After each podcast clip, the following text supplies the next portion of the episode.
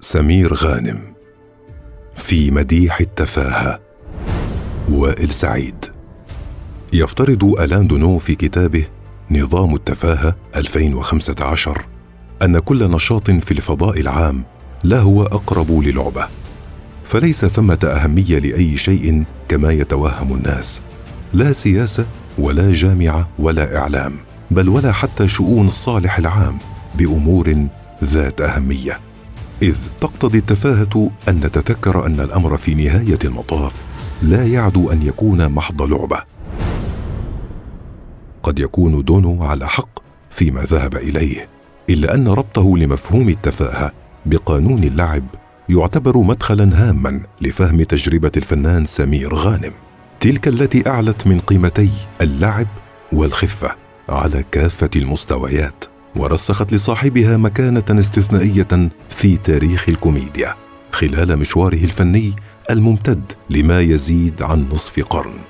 إلى أن وافته المنيه على نحو مأساوي في العام الماضي 20 مايو أيار 2021 جراء تفاقم إصابته بفيروس كورونا. طبيخ الملائكه على الرغم من مولده في صعيد مصر أسيوط عام 1937 والتنشئة في كنف أب يعمل ضابط شرطة. فإن كلا من الصرامة والجدية وسطوتهما لم يكن لهما أي غلبة في تشكيل وعيه. فقد نأى الفتى سمورة بنفسه عن تلك الضوابط التي لا تحتملها روحه الخفيفة وراح يحطمها واحدا تلو الآخر وهو ما تسبب في رسوبه عامين في كلية الشرطة ومن ثم فصله نهائيا. الضحك مع نموذج كسمير غانم هو ضحك نوعي لا يرتبط بحدث أو جملة حوارية. يكفي أن تنظر إليه حين يتكلم أو حتى يتمعن في شيء فحسب دون كلمة واحدة. فإذا بشعور ينتابك بأن مسحة دفينة في طريقها إليك سواء كان الحدث جادا أو هزليا فلا غرابة إذن أن يبدأ حياته الفنية بنوع السكتش المسرحي. وهو مشهد قصير يعتمد على الارتجال ويتسم بالطابع الكوميدي. وذلك من خلال فريق التمثيل في كلية الزراعة جامعة الإسكندرية. حيث كون مع الفنان وحيد سيف طالب الأداب والفنان المعتزل عادل نصيف إرهاصات فكرة ثلاثي أضواء المسرح. حسب تصريح سمير في لقاء مع الإعلامي عمر الليثي على إحدى القنوات الفضائية. لم يكن دخول عالم الفن من الأمور السهلة لكن القدر تكفل بتمهيد الطريق لموهبته المتميزة. فبعد عدة محطات قصيرة لثلاث أضواء المسرح سمير وجورج وضيف لمع نجمهم في مسرحية طبيخ الملايكة عام 1964 إخراج حسن عبد السلام. لقد شكل اجتماع الثلاثي حجر الأساس لنجوميتهم اللاحقة. وسرعان ما رحل الضيف أحمد وهو في مقتبل العمر وتفرق الشمل من بعده. بل ونشبت الخلافات بين الصديقين جورج سيدهم وسمير غانم. لكن الأخير ظل يطارد العفوية والخفة في كافة أعماله اللاحقة. مخلصا للطبخة البكر. هذه الطبخة لا تلائم سوى الملائكة أو الجزء الطفولي الضاحك والبريء فينا. نمط ثابت يتجدد باستمرار. في حديث سابق مع الفنانة سماح أنور حكت عن مدى حرص والدها الكاتب أنور عبد الله على التزام الممثلين بالنص المكتوب حرفيا غير أن سماح كانت أحيانا تنتبه في مخطوطه إلى تلك العبارة بين قوسين مساحة ارتجال. حينئذ تدرك أن هذا العمل يخص سمير غانم لابد فقد كان هو الفنان الوحيد كما تؤكد الذي حاز على ثقة عبد الله في خلق مساحة ارتجالية تصب في صالح نصه. وليس لمجرد فرد للعضلات أو اصطناع الفكاهة والاستظراف. آفة الفنانين الجدد في زمن التفاهة الأكيدة. إن للارتجال ميزة لا تضارع في المسرح تحديدا. فهو يغذي العمل الفني بروافد متجددة تدفع البعض لتكرار مشاهدته عرضا بعد آخر.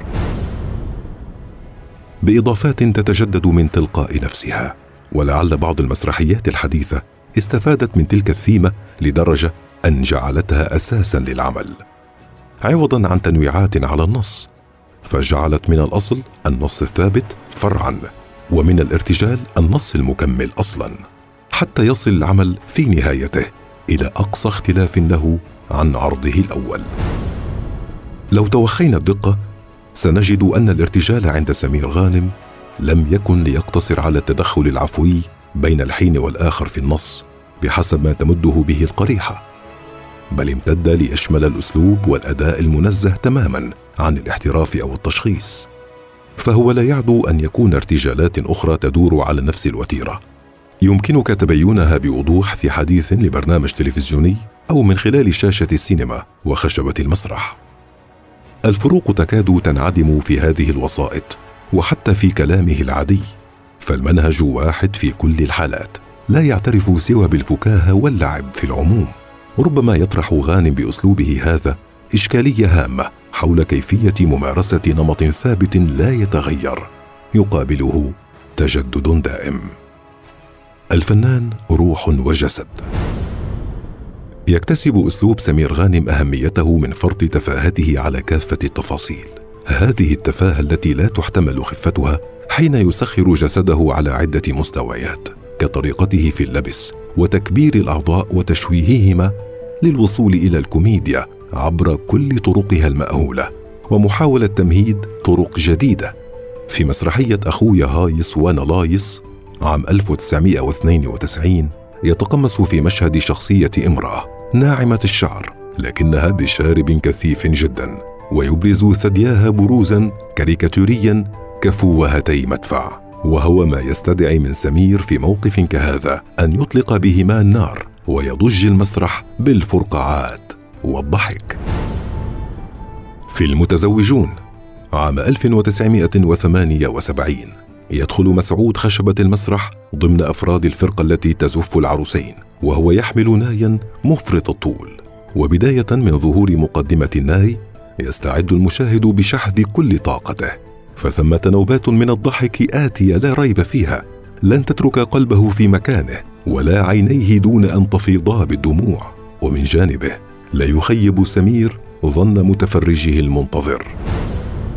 فبعد موال فكاهي لا يخلو من الطرب يشد أنفاسا من الناي وينفث دخانا حقيقيا يتداخل مع اهتزاز القاعة بالضحك.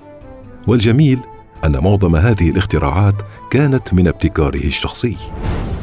كسر الإيهام. هناك ملمح هام آخر في أسلوبية سمير غانم وهو كسر الإيهام أو هدم الحائط الرابع بأن ينظر مباشرة في أعين مرتادي المسرح أو يوجه اليهم الكلام. ثم توجه مباشر يحدث أيضا أمام الكاميرا. من الممكن أن يعترض حوار المشهد ويبلغك باندهاش أنا سمير عالم عيال عيال. عام 1976 يتوجه بالنظر الصريح إلى الكاميرا. يرسل لك تلويحات بالأيدي أو انفعالات بالوجه. أنستونا امال إيه فوزير فطوطة. فوزير فطوطة عام 1982 التفاعلية التي يحياها داخل العمل. لا تتطلب أن يكون اللقاء وجها لوجه. وكما يفعل بغيره يفعل به. في حوار أرشيفي بقناة ماسبيرو زمان يصرح بأسباب خارجة عن إرادته تجبره أحيانا على الوقوع في فخ الضحك أمام الجمهور ومعه.